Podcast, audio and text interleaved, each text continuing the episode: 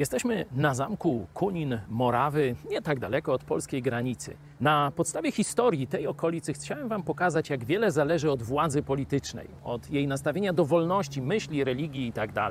Kiedy była tu katolicka fanatyczka e, księżną, początek XVIII wieku, chrześcijan mordowano, trzymano tu w kaźniach, w piwnicach tego zamku, zakuwano w dyby. E, Pokazywałem Wam wcześniej wymyślne tortury, jakim poddawano e, protestantów. 150 lat potem, to tu, u boku już oświeconej księżnej, która była tolerancyjna, Franciszek Palacki, można powiedzieć ojciec współczesnych Czech i kultura, język, przywrócenie tożsamości narodowej. To tu także pod wpływem protestantów morawskich się wychowywał. Pamiętajmy o tym, jak wiele zależy od władzy politycznej.